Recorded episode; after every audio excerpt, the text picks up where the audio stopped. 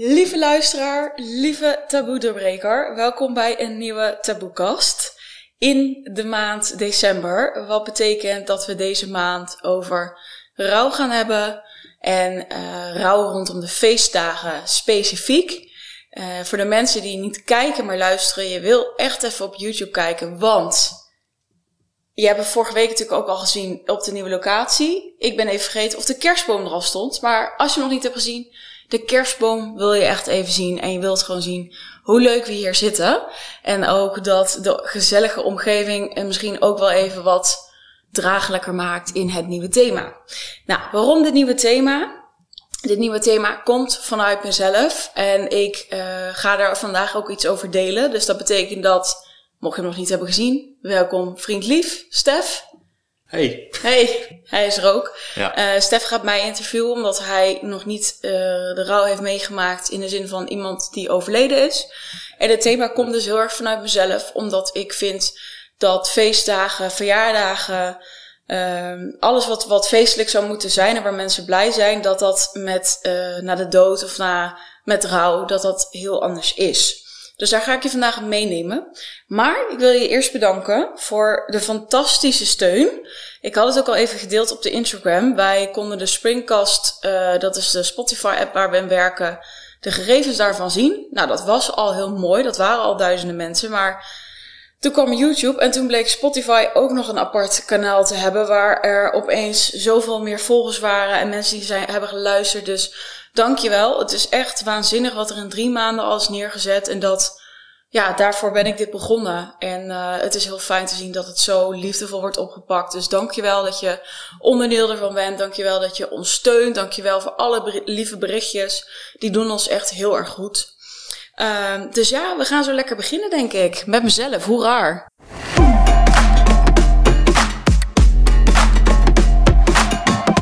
Ik ga wel even een vraag aan jou stellen. Hoe vind je het om uh, mij te gaan interviewen, schat? Uh, spannend. Oh. Ja. Nee, het is Dat is wel... uh, eerlijk. nee, ik vind het wel spannend. Natuurlijk, ik zit langs de andere kant. Alhoewel dat ik niet echt een gastspreker was die echt ondervraagd werd. Nee. Ehm maar... Nee, ja, ik vind het spannend, maar ik vind het ook leuk om te doen. Ehm ook omdat ik... Ja, ook heel benieuwd ben naar uw verhaal. Het is ook wel iets dat ik denk zelf ook nog niet echt goed over u weet. Uh, natuurlijk het grote, in grote lijnen wel, maar echt het, het thema rouw bij de feestdagen uh, vind ik wel eens fijn om nog eens even te verdiepen. Dus uh, laten we dat maar doen, hè? Ja, laten we lekker starten. Nou, lekker, weet ik niet. Ja, Maar ja. ja is natuurlijk stralen wel... met tuiten straks hier. God, ja, taboe doorbrekend wordt het. hè? Absoluut. Nee. Uh, ja, waar zullen we starten, liefste? Um, bij het begin. Ja. Ja. Wat is precies het begin? Ja, uh, wat zou het begin zijn? Natuurlijk uh, we hebben nog niet echt een inleidend gesprek gehad. Nee.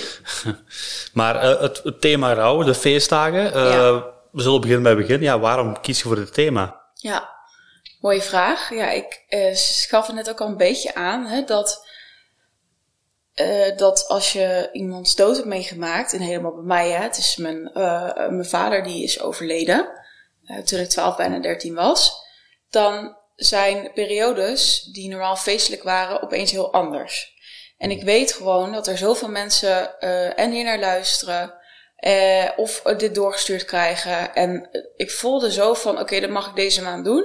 De maand december, ik vind het altijd een beetje een donkere, een duistere maand. Eh, dat is ook niet voor niet waarom in veel culturen, religies, maar ook wij als samenleving ervoor kiezen om kerst en oud en nieuw te doen. Dat we letterlijk de kaarsen branden, letterlijk eh, de, het vuurwerk in de lucht steken, omdat het al best donker is. Ja. En ehm ja, ik, ik voel gewoon van er zijn mensen die iemand hebben die ziek is, die net overleden is, die misschien überhaupt eenzaam zijn, die helemaal niet in de situatie zitten waar ze willen zitten, eh, en hun eigen kinderen niet meer zien. Weet ik het wat je allemaal kan bedenken. Ja, En daarvoor is deze maand. Omdat ik daar zelf ook Ja. soms iets in heb gemist. Ja. ja. ja dat is, dat is uh, natuurlijk, hè, als je dat zo vertelt, dan kom ik ook al meteen bij mij, dat ik denk, ja, ik heb dat zo nooit gevoeld, omdat ik, hè, wat, wat ik ook net heel mooi zelf beschrijft, van tijdens die dagen, dan gaat je echt bewust nadenken uh, over, over uh, de momenten met de, met de mensen rondom u. En ja, in uw geval, hè, want daar gaan we speed nog even verdiepend op ingaan. Wat er dan precies met uw pa is gebeurd en hoe oud dat je waart en zo. maar ik kan me voorstellen, ja, dat zijn dan wel andere... Dat beleeft je wel anders dan ik heb gehad. Um, want ik zeg net al van uw papa. Um, kunt je ons even meenemen naar het moment ja. uh, dat het allemaal gebeurde? Ja. Um, nou, ik zei net al, hè, ik was um, 12, bijna 13. En uh, ik zal je meenemen naar, inderdaad naar die ochtend. Mm -hmm. Want uh, mijn vader had al wat meer klachten, maar er is eigenlijk niet zoveel mee gedaan. Daar kom ik zo anders nog wel eventjes op. En um, op die ochtend, maandagochtend, toen uh, kreeg hij opeens uh, heel moeilijk dat hij adem kon halen. Mm. Toen begon op een gegeven moment ook te hyperventileren. Het was echt zeven uur, half acht of zo. Maar dat was zo hard, weet je. Ik, ik, ik schrok me helemaal met leplazers en mijn broertje ook. En ik weet nog wel dat hij naar beneden rende. En dat hij, dat hij daar met zijn oren, mijn hand tegen de oren stond en uh, zo, ah, zo hard. En ik dat ik maar zei van, ja, hard hè, en het komt wel goed. Die was meteen een troost ook. Ja, ik was meteen een grote zus aan het uithangen. Maar ik dacht, dit is niet goed. Nee. Dus ik ren naar boven en uh, hysterisch van, uh, wat is er aan de hand? Bel een ambulance. En ik weet, ik kan ook niet meer herinneren. Want volgens mij was papa had natuurlijk al best wel een aanval gehad. Of hij, en hij was, het was echt letterlijk het vechten voor je leven. Wat ik, wat ik daar heb gezien. En dat mhm. is echt intens. En dat besef je later pas natuurlijk. Want je denkt eerst van oké, nou komt wel goed. Mhm. Dus uh, toen is er nog een beetje discussie geweest. Van, want mijn moeder, er woonde iemand in de buurt die dan uh, medische ervaring had. Dus zij zou ik haar even snel bellen. Die is er misschien eerder. Bel nu een ambulance. Ik zat echt helemaal in de stress. Ja. Naar mijn moeder gebeld. Um, ik moet zeggen, sommige delen zijn best een baas. Uh, sowieso, ik denk dat mensen het wel herkennen. Die iemand zijn verloren en iemand die zo belangrijk is. Of als je zoiets traumatisch, traumatisch hebt meegemaakt. Dat je echt, dat je het nauwelijks meer weet. Omdat het gewoon te heftig voor je was. Dus uh, nu komt het rare gedeelte. Mensen denken, wat de fuck, wat heeft die gedaan? Ik had een afspraak bij de orthodontist. Dus ik dacht, oké, ik uh, ga nu wel naar de orthodontist. Want dan kom ik terug en dan is er niks aan de hand. Mhm. Dus ik ging al, ik stapte op de fiets, ik ging naar de orto en ik stapte alweer op de hooptrein. Hè? Dat is wat we heel vaak doen als mens. In de hoop stappen, kom wel goed, de uitkomst. Mhm. Ja, diep van binnen wist ik natuurlijk, het is helemaal shit. Mhm. Ja, natuurlijk. het is ook wel, dit denk je nu achteraf, maar had jij kunnen, op dat moment kunnen bedenken dat je papa doodging? Misschien, hè, als je zo hard hyperventileert, dan ik heb het nog nooit meegemaakt, maar uit de woorden kan ik wel uitmaken dat het heel ernstig was. Maar kunt je voorstellen dat je papa dood is, dat je terugkomt, dat hij er niet meer is? Dat is ook zo'n ding. Hè, wat je zegt, je bent letterlijk in een waas ook. Uh, heel veel dingen gebeuren.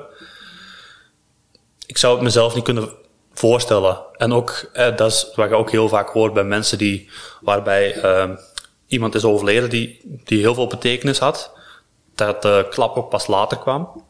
Dus vandaar ook mijn volgende vraag. Ja, hoe was dat voor u? Ja, uw papa sterft. Mm Kwam het binnen? Uh, ja, ik, was, het, eh, was, het, was het meteen dat je dacht, oei, hij, ja, hij is er niet meer? Of kwam de klap, klap wel later? Ja, nou, goede vraag. Ja, want ik was ik, naar de ortho nou, daar werd ik helemaal uh, weer aan, je mond, je moet beter tanden poetsen. En ik dacht, jongens, hou je bek met die beugel. Ik vind het al scheid irritant dat ik überhaupt hierheen moet. dus ik, weer terug. En ik, ja, ik was half een traan op de fiets. De moet eruit hebben gezien, die dacht er vast wel een arm kind. En ik kom thuis en ik hoorde het. ja. En ik wist niet, ik weet niet eens meer wie het heeft gezegd. Of het mijn mama was, of dat er nog een ambulancebroeder was. En ja, echt een reactie. Ik zit ook te denken, ja, ben ik meteen in tranen uitgebarsten? Of was het gewoon, hmm. huh? Wat? En ik was ook boos, want ik zei, dit, dit, dit heb ik niet afgesproken. Weet je, ik was echt, ik dacht, ik geloofde ook echt in mijn eigen hoop. Wat de hmm. fuck flik je me nou, weet je? Ja. Niet maar ik, uh, kunnen nemen. Ja, dus, en ik weet wel, uh, in die week heb ik echt zoveel ruils. Mm -hmm. En uh, ja, mijn moeder en mijn broertje ook wel. Mijn broertje, uh, op een gegeven moment ook wel een beetje. Maar ik was echt, echt, echt. Ja, ik weet niet. Ik heb nooit meer in mijn leven zoveel moeten huilen. Als die week. Dus het kwam wel dus binnen. ja, ik wil het zeggen, ja. het heeft zeker impact gehad meteen. Ja, alleen het was, het, het is, uh, was een rouw. Hè? Je, hebt, je hebt fases in rouw. En uh, voor mij is dat niet zo. Je doet stap en dan check. Het is allemaal door elkaar. En um, ik ervaar ook nog steeds verdriet, maar dat is anders, anders dan diepe rouw. Ja. ja. Um, maar wat wilde ik zeggen? Oh ja, is dat er een fase is in rouw en die noemen ze dan ontkenning. En in sommige gevallen, als iemand bijvoorbeeld ziek is, dan kun je heel lang in de ontkenning zitten van, oh nee, maar ik word wel beter. Of mijn papa wordt wel beter. De hoopfase ook een stuk. Ja. En uh, bij mij was dat natuurlijk, zeg ik dat nog goed, die vrijdag is hij dan begraven. Ja, dan is het klaar. Dan zie je je vader in, de, in het graf zakken. Mm -hmm. Ja, daar is weinig meer aan dat je jezelf nog even leuk iets voorhoudt van, nou ja, zal het dan wel... Nee. Zal het dan wel misschien toch nog dat hij opstaat? Dat het een nieuwe Jezus wordt? Ja, nee, dat is natuurlijk niet zo. Nee. Helaas. Mijn paps niet. Ja. Ja, ja bijzonder. Om daar zo mee te maken. Hè. Zeker, mm. uh, uh, ik weet ook niet dat het hier al besproken is, maar uh, op zo'n jonge leeftijd um, je papa verliezen. En op zo'n heftige manier, want je gaat het ook echt zien gebeuren. Mm. En wat ik net ook al zei, je, je hebt geen afscheid kunnen nemen. Je, je zat in de hoopfase. Uh, een afspraak voor jezelf van oké, okay, ik ga nu naar de tandarts en uh, daarna is het opgelost en uh, is alles over. Maar ja, dat was dus niet. Ja. Dus. Ja, en hij is natuurlijk gestorven aan een longembolie. Ik weet mm -hmm. eigenlijk even niet of ik dit al had gezegd. denk ik niet. Nee. Ja. En um, wat ik dus net al zei van de huisarts. Hmm. Uh, hij is naar de huisarts geweest, maar mijn vader is, en dat heb ik wel van hem, daar ben ik heel dankbaar voor. De, de, sportief, uh, de sportieve genen. En -hmm. ja, ik ben ook gek op sport. Ik, als ik te lang niet sport, dan word ik ook een soort van gek in mijn kop. en ik heb gewoon, of ik heb ook gewoon veel energie en hij had dat ook. En op een gegeven moment kon hij gewoon niet meer de straat uitfietsen. Dat was voor, van tevoren? Dat was al van tevoren. Alleen hij is naar de huisarts geweest. En de huisarts, die ja, is mens. En uh, ja. ik denk dat huisartsen soms misschien iets te, toch te makkelijk iemand wegsturen. Helemaal als iemand echt gezond is. En van, oh, kom wel goed. En uh, ja, dat is wel iets waar, waar ik heel lang... Je, je zoekt een zondebok. De pijn is te heftig. Je wilt niet naar de pijn. Je zoekt gewoon iemand. Jij bent de Sjaak. Op jou ga ik naar al mijn woede uiten. Mm -hmm. uh, dus ik heb dat gehad. Mijn opa en oma weet ik, die zijn erheen geweest. Ja, ik Ja. snap het wel als je kind verliest. Dat is uh, de verantwoordelijkheid ook een stuk van de dokter. Maar ja, Ja, en um, wat, het ook is, kijk, het hoort er denk ik ook bij. Kijk, als je nooit je boosheid mag uiten, Mhm. en als je dat maar zelf inslikt, dan word je er zelf ook nog ziek daarvan. ja. Dus uiteindelijk, want nu kijk ik ook zo van, oké, hij is mens. Eh, ik denk eerlijk gezegd, als ik, hè, ik zit me dan in te leven ook van, hoezo, ik ben ook boos geweest, hè, dus de emoties hebben er mogen zijn, maar ik kan me ook voorstellen, oké, ik ben huisarts en er is een vader door mij dood. En die heeft nou twee kinderen achtergelaten.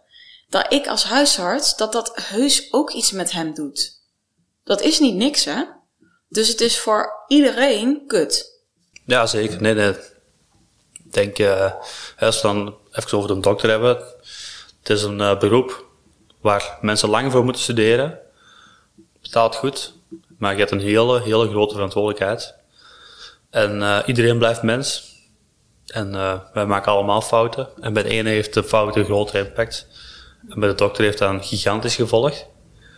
Ehm, ja, als, als dokter ook niet simpel, denk ik. Want ik denk dat je ook wel heel veel mensen over de vloer krijgt die echt die klachten hebben die je niet meteen kunt plaatsen. Of misschien toch een beetje overdreven zijn, die vooral in het hoofd zitten. En dan ja, is dit een, een fout, hè, een error. eh, een grote, grote fout. Ja, voor mij is wel het verschil in, want ik ken die ook. De, me- de mensen die eh, hè, vooraan staan, nog een kuchje en een, en een hoesje en Ja. oh, heb ik misschien kanker. Maar als iemand eigenlijk kerngezond is en die komt niet zo vaak, ja, dan mag je iemand echt wel serieus nemen. Dat klopt. Klopt. Ja, het is gewoon heel jammer. En eh, hoe was dat voor jezelf? Want je hebt, het dan, je hebt ook een, een stuk boosheid gehad naar de, naar de dokter toe. Eh, hoe was dat om te verwerken? Ehm, je wilt verwerken van de boosheid? Ja, van de eh, boosheid, ja. Want het is, Ja, op een gegeven moment, weet je, weet je ik, ik heb een fase gehad. Nou, je kent het, je kent me trouwens, ik ben nog steeds boos. nee. ik heb een fase gehad waar ik boos was op iedereen. Ja. Ik vond echt, de huisarts die haatte ik. Ehm, ik, ik was ergens ook boos op papa dat hij mij gewoon achter had gelaten. Dat ik denk, jeetje, Mhm. ja, wat, wat een asshole. Terwijl, kan die ook niks aan doen. De huisarts Nee. misschien ook, die wilde het ook niet. Nee. En waar ik vooral een teringhekel aan had, waren al die kinderen. En de, ik zat in de brugklas. Ik was 12, bijna 13. Nou, het was twee weken later was ik 13. Nou, het was de meest verschrikkelijke verjaardag ever. Dat kun je je wel voorstellen. Maar die kutkinderen, die zijn natuurlijk altijd aan het klagen. Ik was vanzelf ook uiteindelijk weer zo eentje, gelukkig maar. Maar het, hè, we fietsen naar school en we komen bijna te laat en we zitten in de regen. En ik, oh god, en ik, en, en ik heb dat ook al gedeeld in een andere podcast van... Ja, ik kon dan zo boos zijn van binnen, maar uit durfde ik niet. Maar ik was wel erg boos, dat ik dacht, jezus, weet je, ga je hier nou over klagen? Je weet Ja. dat ik net mijn vader ben verloren. Dus Ja. je denkt ook, de wereld is nog met je bezig. En dat was Ja. meteen best wel een besef, dat Ja. is niet zo. Iedereen, zijn leven gaat eigenlijk verder. Ja. En dat is ook het eenzame in het rouwen. En dat herken ik ook bijvoorbeeld van collega's. ehm, dat, dan weet ik van, er is iets gebeurd. Maar, en ik zelf ook, ik doe dat ook niet altijd zo zoals je misschien zou willen dat het bij jezelf is gebeurd. Maar je gaat verder. En je ziet die collega en je hebt gewoon leuke gesprekken. En op een gegeven moment, drie maanden later, dan vergeet je nog even te vragen van, hé, hey, hoe is het? Of een jaar later. Maar die rouw is er zo lang. Ja. Ja, want dat is, dat is hetgeen dat ik nu ook een beetje eh, ga horen, denk ik. Ik denk, hè, dat moment is er geweest, maar hè, het rouwproces, en dan niet zo intens als in het begin, maar het rouwproces gaat nog door. Hè. Je bent nu eh, meer dan 10 jaar, of 15 jaar ouder dan het gebeurd is. 16, misschien zelfs al. Ja, 16. 16, hè? Ja. Ja, Eh. ik ben, eh, als we dit opnemen, bijna 29, jongens. ja, ja. Grandma. Ja, het is niet te zien, hè. Geniet er lekker van. Allemaal botox in de kop. ja, precies. Helemaal vol met fillers valt en niet te zien, en anders laat het weten. Laat ik het opvullen. Plastic fantastic.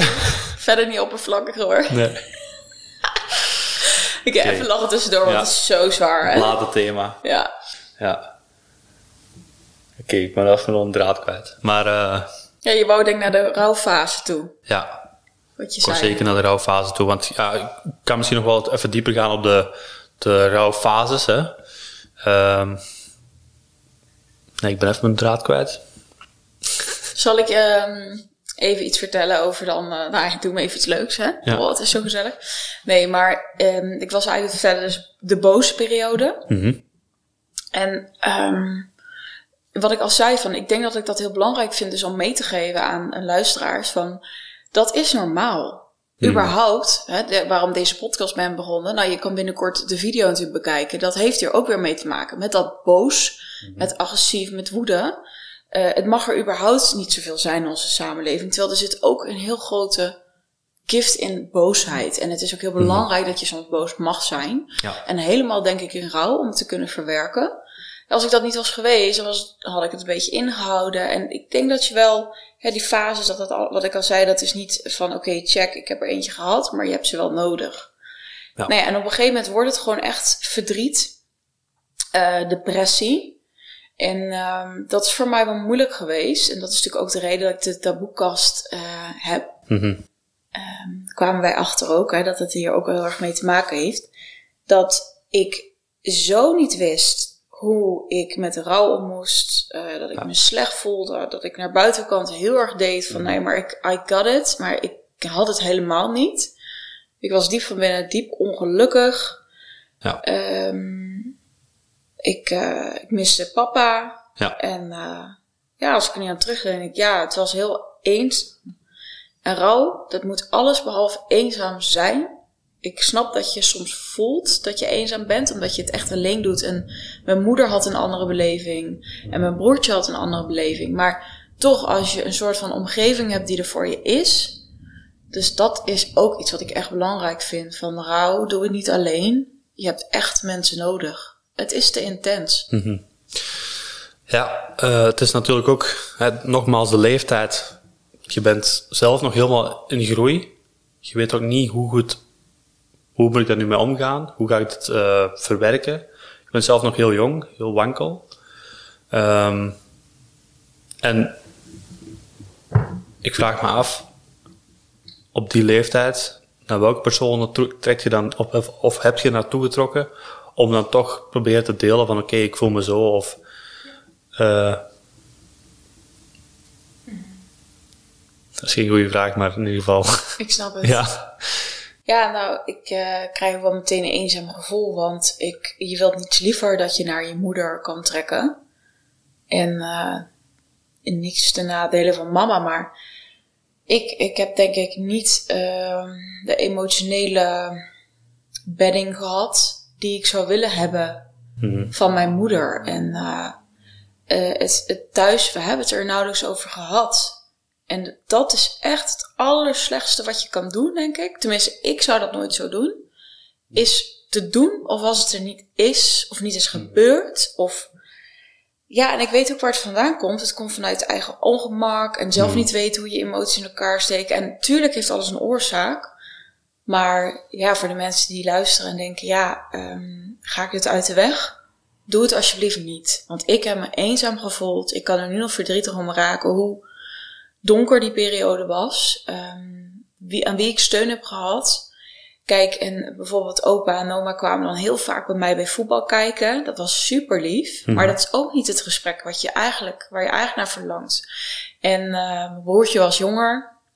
Dus ja, waarom zou ik daarmee gaan praten? Want die is jonger. En mijn vriendinnen, ja, ik zei het al, ik had een masker op. Maar voor pubers is het denk ik soms ook moeilijk om zo'n heftig gesprek te voeren. Geloof ik. Dus nee, dat, het is echt een van de eenzaamste tijd in mijn leven geweest. Ja. ja. Ja. Ja, dat is ook uw kracht geweest, denk ik. Of nog steeds. Dat, dat je die... lekker eenzaam bent. ja, toch wel dat je, de, dat je goed die, ja, dat je die, dat je die pijn zo sterk hebt gevoeld en dat je nu ook voelt van, uh, ik ben in mijn missie, ik wil ook mensen inspireren met mijn verhaal. Ja. Hè? Dus uh, je, hebt heel, je hebt er iets heel moois, moois van gemaakt, hè? Dat is top. Dankjewel. Ik ben weer aan het huilen, jongens. Ja, ik zie het. Ja. Ja. Laat me even uh, rustig bezinken, want het is, het is een moeilijk onderwerp ook, hè? Is niet niks, hè? Ja, het raakt me gewoon omdat ik zo dat, dat kleine meisje voel die... Ja. Um, je hebt als kind, uh, of je nou uh, echt vijf bent, of dus dertien of, of zestien, je bent een kind. Je hebt iemand nodig waarbij jij de steun kan ervaren. En het is echt uh, zwaar geweest, eenzaam geweest. Het is niet voor niets dat ik ook een soort van depressief was. En wat ik zeg van, je kan echt heel veel verbloemen met het masker dat je draagt. En door het masker te dragen voel je je nog eenzamer. Maar heel veel mensen weten niet hoe je die af moet doen. Heel veel mensen vinden dat spannend. Want dan moet je dus wel delen van jezelf laten zien die kwetsbaar zijn. En als ik had gedeeld van hoe het echt met me ging en dat ik me eigenlijk slecht voel, uh, of hij moet huilen, ja, uh, durf je dat? Uh, mensen kunnen er ook om gaan lachen of misbruik van maken. Hè, als puber heb je vaak genoeg gehad dat, dat je weer uh, gesnitcht werd door een ene vriendin. Ja. Of je hebt al een, ik had ook een, ik heb ook gehad, had ik dan al een vriendje gehad? Nou ja, bijna volgens mij. Maar je kent het wel als je hart een beetje wordt gebroken. Ja. En dat is natuurlijk super spannend. Dus ja. Mm. Ja, dat begrijp ik. Ja, ik had even... Even je. Ja, nee, maar ik hoor u ook een beetje zeggen van ja, ik, ik uh, had graag uh, echt goede steunpilaren gehad en het open gesprek erover en niet zomaar onder de mat schuiven en, en weer doorgaan. Dat is een beetje wat ik uit het verhaal afleid. Um, en ook dat elk familielid een uh, andere manier had om ermee om te gaan. En dat is ook niet altijd even bewust. En iedereen is ook een beetje aan het zoeken hoe ga ik ermee om. En laat het toegeven, het is ook geen gemakkelijk onderwerp om. Eh, niemand heeft daar. Het staat ook misschien niet in boeken, het staat ondertussen wel misschien. Maar niet iedereen krijgt een soort van stof of een soort van boek, een handschrift, uh, een, een, een, handleiding, sorry, waarin staat hoe dat je daarmee moet omgaan. En uh, vandaar deze podcast natuurlijk. Dus uh, dat is wel heel fijn. En uh, nu misschien heel veel terug op het stukje rouw bij de feestdagen. Want dan komt de eerste keer kerstmis eraan, de eerste keer nieuwjaar. Ja, dat was uh, heel snel. Dat ja. was anderhalve maand. Ja, zo, ja, dat is, uh, dat is confronterend dan meteen, hè. Ja, durf bijna niet te vragen, maar ja, hoe was het? Ja, ik ben hier nog weer te huilen, jongens. Nee. nou, ik had natuurlijk mijn verjaardag gehad. Dat zei ik al, dat was de meest kutste verjaardag ooit. Ja. Um, ik vond het ook niet leuk. Ik wou het ook niet. En kerst en oud en nieuw hetzelfde. Ik bedoel, uh, kerst uh, kon de tering krijgen, oud en nieuw de tyfus. Ik wilde helemaal niet naar het nieuwe. Voor de mensen die het nog niet doorhebben, ja, ik hou van schelden. Maar ja, weet je, ik, volgens mij hebben we wel iets van kerst gedaan. Uh, toch samen met. Je moet ook wat. En dat, dat vind ik ook goed. Alleen wat ik zeg, kijk, als het er dan niet echt over gaat. Of ja, echt, wat ik al zei, het is het meest eenzame ever. Als, het, als, het, als, er, als iets er is, en dat, dat weten mensen ook die luisteren, als er iets is, het wordt niet besproken, het is volbaar aan de energie. Ja, echt, het wordt ongemakkelijk gewoon op een gegeven moment. Maar goed, het was voor mij zo raar. Uh, de stoel die leeg was, um, de soms flauwe grapjes die tussendoor kwamen. Je weet wel, de dad humor. uh, die iedereen uh, die nog een vader heeft soms haat. Dat je denkt, jeetje zeg, wat verlul. Maar je gaat het missen. Ja. En um, ja, ik weet niet. Ik uh, vind het soms ook wel erg. Want ik, ik heb het idee, en ik heb dat ook met mijn open oma gesproken, zijn ouders. Dat mijn papa niet altijd gelukkig is geweest. Misschien wel hele grote delen van zijn leven niet. Mm -hmm. um, ook omdat hij ergens met een masker leefde. En ook omdat hij dingen bijvoorbeeld niet kon uitspreken. Ja, die hem gelukkig hadden gemaakt. Dus het zit zo in me dat ik denk, oh, ik wil dat niet. Ik wil niet dat iemand doodgaat en dan mm-hmm. eigenlijk geen fijn leven heeft gehad. Ik gun dat echt niemand. Ook als het plots. Kijk, als ik nu, hey, even afkloppen alsjeblieft. Um, maar als ik nu sterf, dan kan ik echt zeggen, ik heb alles uit mijn leven gehaald. Um, ja, nou goed, even terug naar de feestdagen. Ja. Dus was kut. Ik wilde niet naar het nieuwe. Uh, het was eenzaam. Mm-hmm. Ja, logisch. Uh,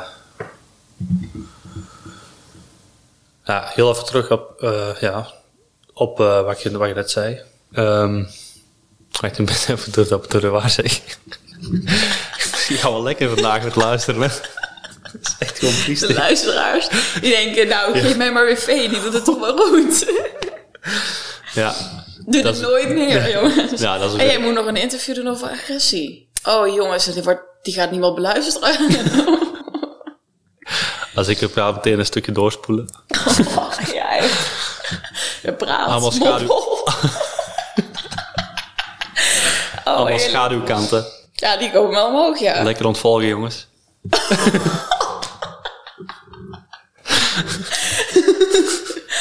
oh, heerlijk. Even humor tussendoor. Ja. Lucht al op. Bij mij toch? Ik echt niet. Uh... Zal ik gewoon nog een beetje meer vertellen over de periode van verdriet en hoe het dan is gegaan? Ja. Ja, wat ik al zei is, uh, ik had het best wel moeilijk in, in, het, in, uh, in mijn gezin. Ik, mijn moeder, mijn broertje en ook twee handen op één buik. Ik vind het ook mhm. heel fijn voor ze. Ze hebben een super sterke band, die zal er altijd zijn. Um, en mijn band met mijn broertje en moeder is inmiddels nou, veel beter dan hoe het ooit was. Uh, er is heel veel liefde. Nou, je bent laatst ook mee geweest. Je kan dat ook wel voelen en zien, denk ik. Ja, zeker, zeker. En uh, alleen, ja, ik ben gewoon heel verschillend. En vroeger um, was het zo moeilijk, want uh, als, als je met z'n drieën bent, en je kunt misschien ook wel voorstellen, twee handen op één buik, en dan jij, en dan ook echt het gevoel hebben dat, te, dat het ook zo is. Ja. Um, als voorbeeld dat ik op mijn vijftiende mijn blinde darm ik hoi, was heel eigenwijs. Uh, mijn blinde darm was gesprongen. Ik dacht gewoon, ach, ongesteld, hè, doe, niet, doe niet zo moeilijk. Nou, ik was bijna dood. Maar ik moest geopereerd worden, want hij was echt gesprongen. En ik weet nog wel dat die avond uh, dat uh, mijn broertje dus nog thuis was. En mijn moeder is dus naar mijn broertje gegaan. En ik reed die operatiekamer in, alleen. En ik werd wakker. En ik zag een verpleegster als eerst. Nou, je kan je wel voorstellen als je 15 bent dat je gewoon je moeder, of als je vader nog leeft, dat je die wil zien. Mhm. Dus er zijn dingen gebeurd waardoor ik ook echt het gevoel had, ik hoor er niet bij. Ja. Plus de gevoelens van rouw en uh, met mijn papa uh, het verdriet en het niet kunnen verwerken, zorgde ook voor dat ik dus heel erg niet wou opvallen. Omdat het ook niet goed ging met mijn moeder. En ik was echt als, als puber bang. Ik ga haar een keer vinden. Dus je probeert dan een beetje onzichtbaar te worden. Maar wat, wat iedereen ook wel kent, als je een bal onder water drukt, komt het er uit. Dus dat, dat was ook een van de redenen. Dus dat ik dus agressief werd, dat ik me echt buitengesloten voelde. Dat het echt een schreeuw was om, om van hallo, ik hoor ook hierbij en ik wil ook liefde. En kun je me niet zien wat ik nodig heb? En ik kon dat niet anders uiten op dat moment, want ik had ook nog niet bewustzijn. Dus het kwam er dan heel stom uit. Ja. Dus dat maakte het wel moeilijker. En um, de manier van hoe ik dan voor mezelf toch iets van moraal heb gemaakt, is op een gegeven moment dat ik ook wat meer ben gaan schrijven. Uh, voor de mensen, de oudjes onder ons huis. Misschien kennen jullie het nog. En je had dan zo uitgelicht de pagina. Mijn, iemand had mijn blog doorgeschreven. Uh, of doorgemaild. En die was dan in uitgelegd gekomen. En toen kreeg, had ik van 3000 uh, eh, mensen die het hadden gelezen. En ik had 50 reacties. En ik had geschreven, het was vrijdag de 13e. En ik had geschreven, vrijdag de 13e. Uh, maar voor mij is het echt een ongeluksdag. ik ben al twee jaar mijn papa kwijt. En ja, ik, ik schreef gewoon. Ik schreef ook, weet ik nog, van... Ik had zijn vriendenboekje gevonden van vroeger. En papa schreef, wat wil je later worden? Uh, om de een moest ik lachen, letterlijk. Profvoetballer. Nou ja, hè? dat, dat word, ik ook ooit nog ooit natuurlijk. de jongensdroom. En, um, en eentje was, uh, moest ik echt huilen. Dat was opa. Ja, en dat had ik in oh, die blog geschreven. Ah, dat had uw papa geschreven? Ja, dat had mijn papa geschreven. En dat was in een? Dat was in een vriendenboekje toen ik vijf was. Oh. Dus die kwam heel erg hard binnen en dat had ik dus daar opgeschreven. En uh, toen kreeg ik zoveel lieve reacties. En dacht ik, oh, wacht even. Uh, rouw hoeft dus niet alleen. Alleen ik moet mezelf wel uh, laten zien. Of ik moet wel zeggen wat in me omgaat. Mhm. En ik voetbalde dus. En ik weet nog wel dat de meiden toen ook zeiden. Want ik was bij voetbal ook altijd super verlegen. Ik was totaal niet mezelf. Maar ja, ik was natuurlijk helemaal van het padje met al die rouw. Mhm. En die meiden die zeiden ook van, oh Vee, zo'n mooie blog. En ja, ik, ik weet niet. Ik had er opeens zoveel aan dat, dat dus de meiden van voetbal het zagen en, en wat meiden uit de klas. En ja, toen dacht ik, oké, dus uh, soms zijn we ook eigenwijs dat we iets misschien alleen doen of dat we niet weten. Terwijl als we dus iets van onszelf laten zien of maar even wat delen, dat er opeens heel veel mensen zijn die echt wel met je zijn. Mhm. Maar dat kan je niet zien als je niet jezelf ook opent. Nee. Dus dat was heel mooi. Maar ik vraag hoe oud tegen toen was? Vijftien. Dat was twee jaar later. ja. Ja, het is wel knap, hè. Dat is, mooi dat je zegt dat je het zelf een beetje hebt opengesteld om dan ook te ervaren, oké, als ik me openstel, dan kunnen andere mensen zich ook meeleven en uh, uh, ja, dan kun je die steun dus voelen waar je eerst niet hebt gevoeld. En dat ook een stuk ja, bij jezelf ook ligt, hè, dus door jezelf open te stellen aan anderen. Mm Ja, ik vind het wel heel knap, want ja, ik weet ook dat je heel goed kunt schrijven. Dus ik kan me wel voorstellen, op 15-jarige leeftijd had je waarschijnlijk ook al een hele mooie tekst geschreven erover. Helemaal in, in de emotie. Op vrijdag de 13e. Want toen was ook je papa overleden. Ja, hij was uh, uh, dan 13 november is hij overleden. Ja. Dat was toen toevallig op een vrijdag. Ja. Zo, dat valt dan ook weer samen, hè? Echt vrijdag de 13e. Ja. Ja. Ja, ik kom je nog dingen te weten. Ja. Dus eigenlijk geef je een beetje mee naar de rest van, oké, stel je zeker open.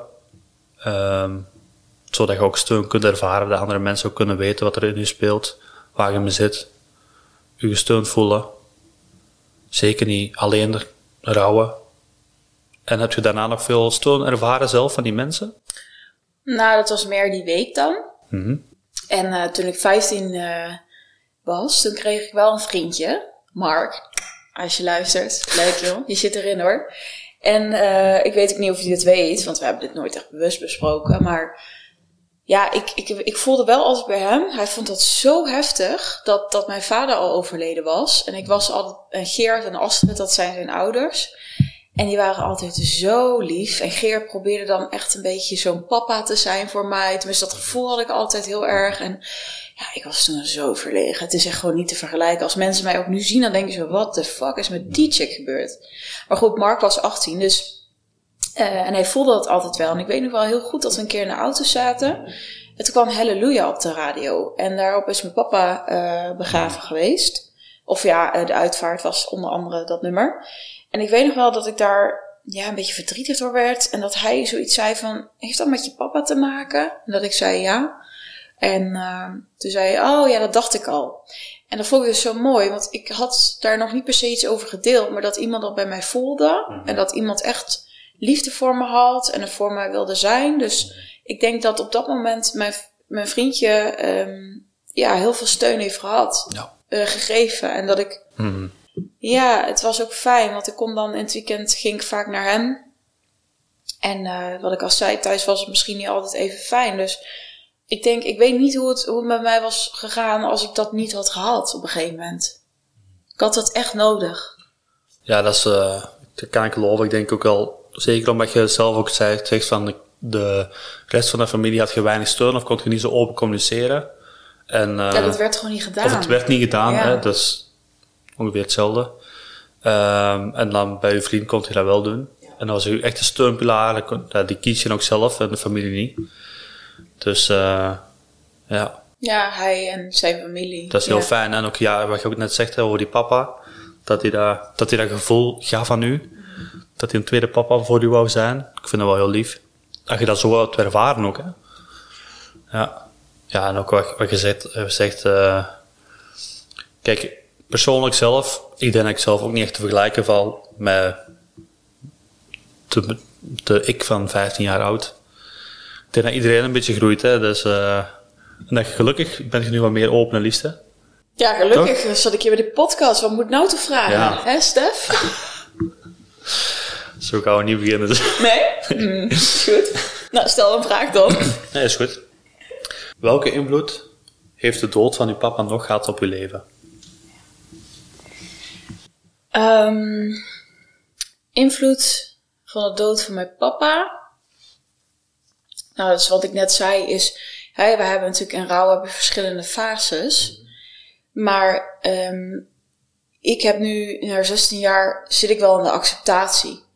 En nou, gelukkig, maar ik zeg ook met een side note, want misschien zijn er mensen die nu 16 jaar al rouwen, of 30, en misschien is er nog geen acceptatie. Ja, en ik zou het iemand wel heel erg gunnen, omdat het zoveel energie kost, weet ik zelf. Maar ja, ik zit wel in acceptatie, maar het heeft nog heel veel invloed. Want ik zeg altijd, dood zorgt ervoor dat alles met een randje is. Dus het heeft heel veel invloed op, oké, laatst dan, eh, of dan uh, ben ik geslaagd voor mijn HBO, mijn master, uh, mijn coachopleidingen. Ja, er is altijd iemand niet, fysiek. En um, ik word straks moeder, als het me gegund is dan is opa er al niet. Ja, ik vind dat toch al, eh, mijn kind, voor mijn kinderen niet, maar voor mijn gevoel en helemaal wat hij dan schreef. En dan denk ik, ja, alles wat leuk is, wat, wat plezierig is, is opeens ook dubbel. En dat was het eerst niet. Ja, ik denk uh, bij, bij elk moment waar dat je trots kunt zijn op jezelf of feest viert met familie, zult je altijd die, uh, toch wel even denken aan je papa dat hij, dat het heel jammer vindt dat hij er niet bij is. En uh, ja, als het u goed is als mama, er komen nog heel veel momenten waarbij dat je gaat voelen, oh shit, ik heb dit ook heel graag met mijn papa gedeeld. Uh, maar ik bedoelde mijn vraag eigenlijk ook nog anders, hè, want het kan u natuurlijk ook inspireren. Um, ja, de positieve manier. De positieve manier. Oké, check. De positieve manier is überhaupt, uh, dat zijn heel veel dingen. En vaak vinden mensen dit ook nog eens gek of raar of, hè, oh, hoe kan dat? Maar er gaat een punt in je leven zijn dat je ook weer uh, naar al het verdriet toch weer plezier kan ervaren, toch weer kan lachen. En het heeft mij heel veel gebracht. Um, Ik zeg altijd, sinds de, de dood van mijn papa heb ik echt een verantwoordelijkheidsgevoel gekregen. Mm Dat zat er altijd wel in. Ik kreeg ook heel erg, en dat is natuurlijk averechts ook gewerkt, maar ik moet mijn gezin, voor mijn gezin zorgen. Nou, dat mhm. hoef je niet als kind. Maar ja, soms nemen kinderen het over omdat het er anders niet is.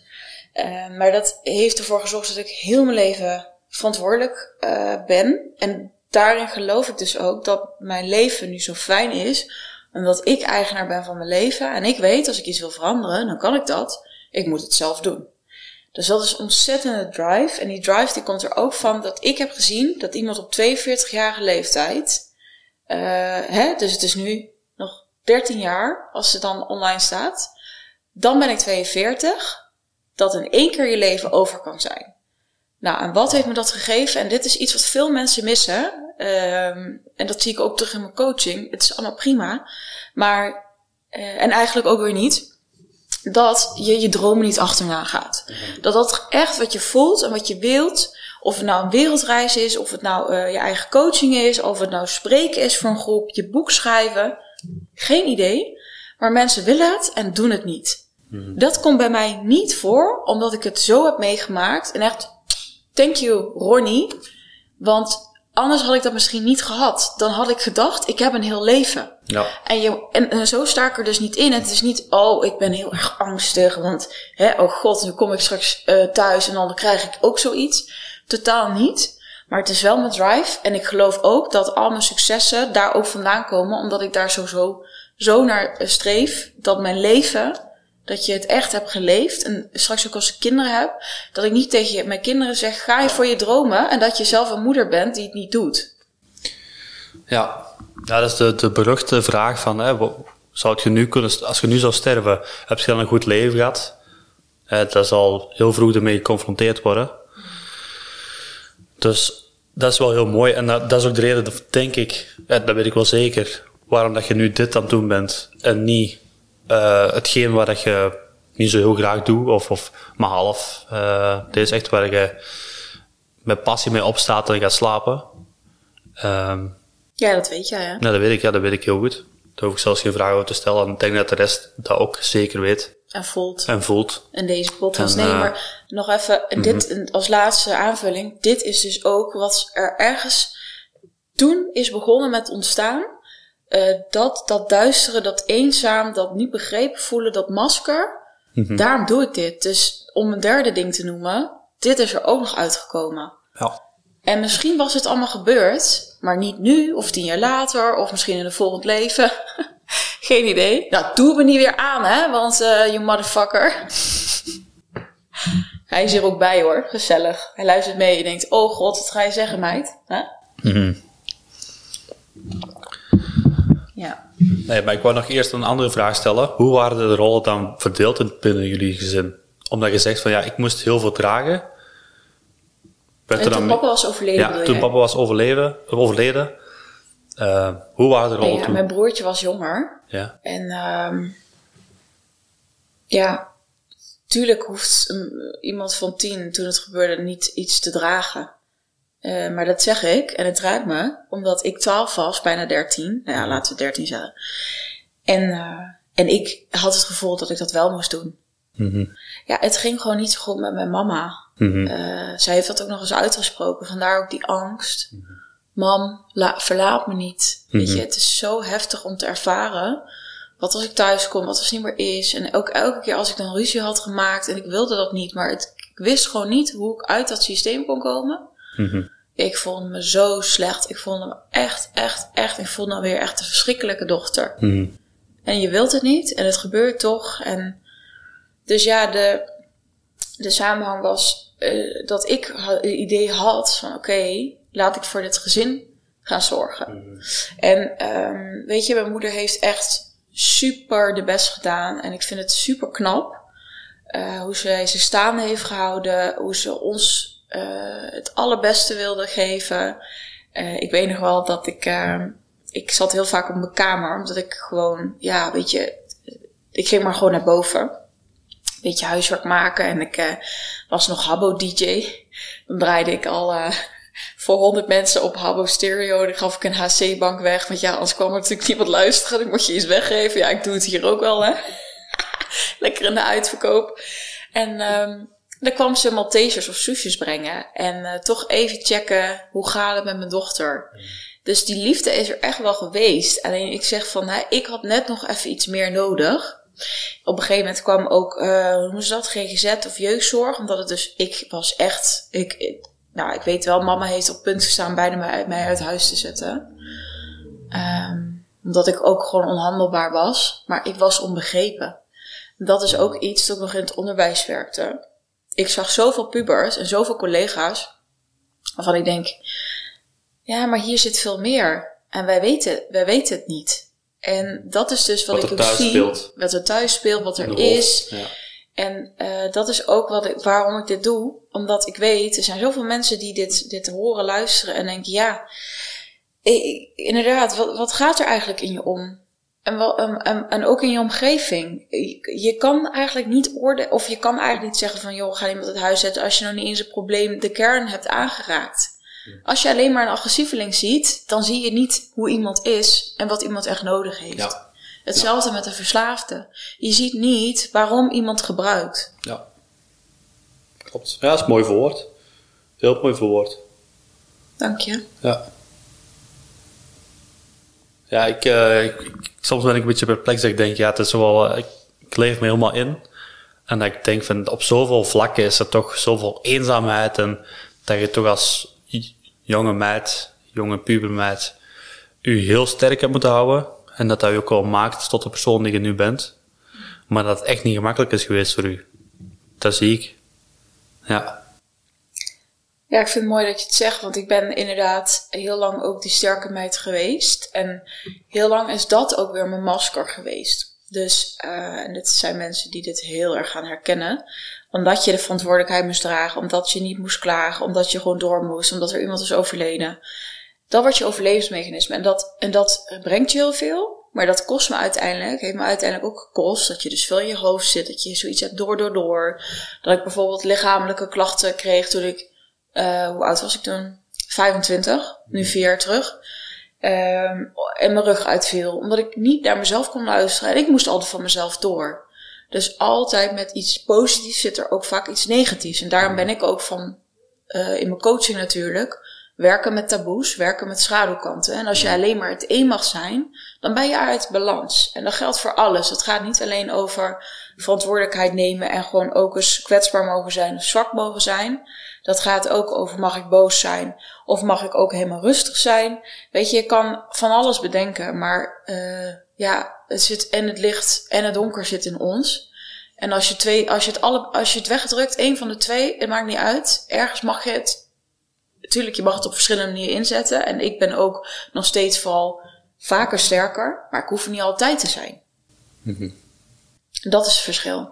Ja. Zullen we nog eens heel kort meegeven aan de luisteraars? Nou, ik kan nog een vraag, zit ik nu te denken. Ik heb er niet bij. Ja.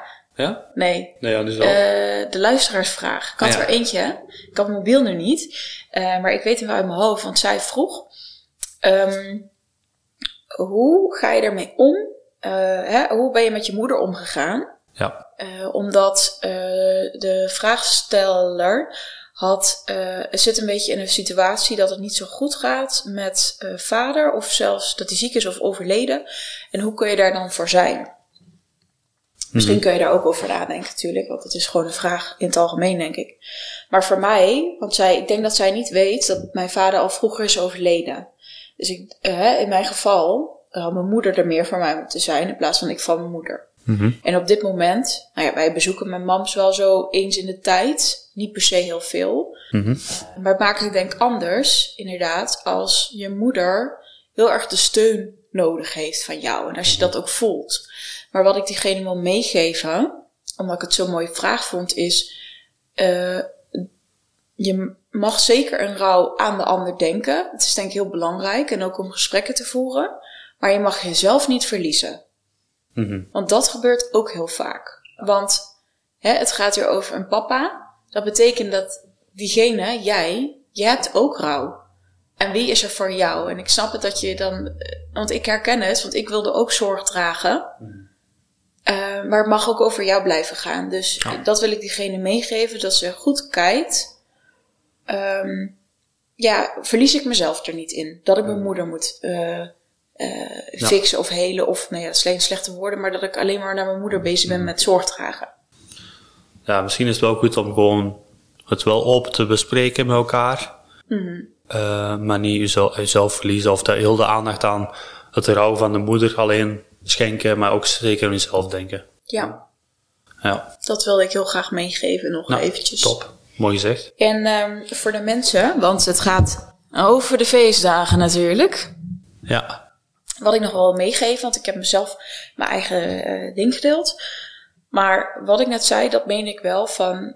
Um, ga, als je het viert, ik vind dat heel belangrijk, vier het gewoon. Ik zei het al, het is een duistere tijd. Het is heel fijn om met elkaar samen te zijn, om kaarsjes te hebben. Mm Vol wat iedereen nodig heeft. Misschien is het heel even tien minuten kort.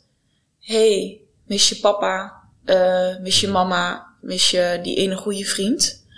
Uh, wil je daar nog iets tegen zeggen? Wil, wil je iets voorlezen wat je misschien hebt geschreven in een brief? Of zorg dat er wel even uh, een moment voor is. Ja.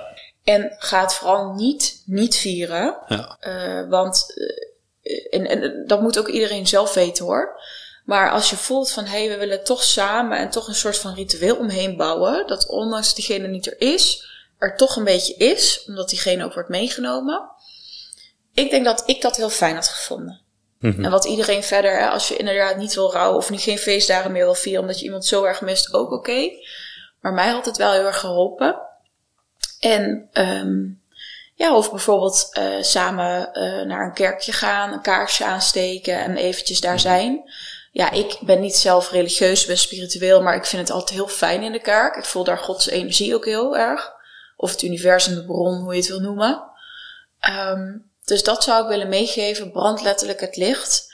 Want uh, diegene is er ook nog. En diegene is ook ergens. Uh, en dat is ook het licht. En die wil, die wil ook gewoon dat je verder gaat. Mhm. En ja, dat wil je niet. In het begin wil je dat natuurlijk niet horen. Maar ja. Ja, het gaat ook. Uh, ja, het kaarsen, het gaat meer om het moment ook om na te denken aan die persoon. En samen voelen we, we staan er niet alleen voor. En we denken nog aan die persoon. Ja, en als het kaarsje uit is, dan kun je inderdaad zeggen: kijk, nou, weer uitgedoofd.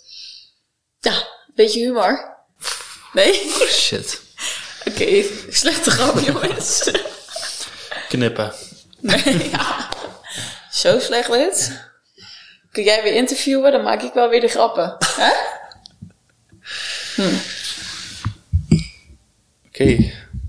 Is er nog iets dat je wilt delen? Um, nee, dankjewel mm -hmm. uh, voor de mensen die hebben geluisterd. Ik, uh, ik hoop dat ze iets aan hebben gehad.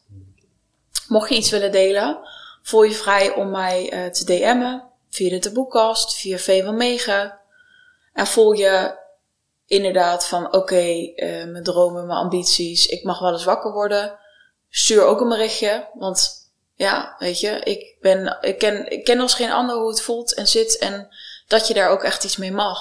Mhm. Ik vind het echt zonde als je dat laat liggen en als je dromen veel groter zijn en je doet er niks mee. Mhm. Want ik zei het al, het, ik, ik, het, is, het is niet alleen naar jezelf, het is ook wat je allemaal voor anderen kan doen. En dat realiseerde ik me dus toen ik opeens zag, wow, we hebben 10.000 mensen al bereikt. Ja, als ik hier niet mee was gestart, dan waren er nog steeds mensen eenzaam, onbegrepen, mhm. gevoeld. Ik ben de enige. En kijk eens wat je doet. Door jezelf en je hart te volgen.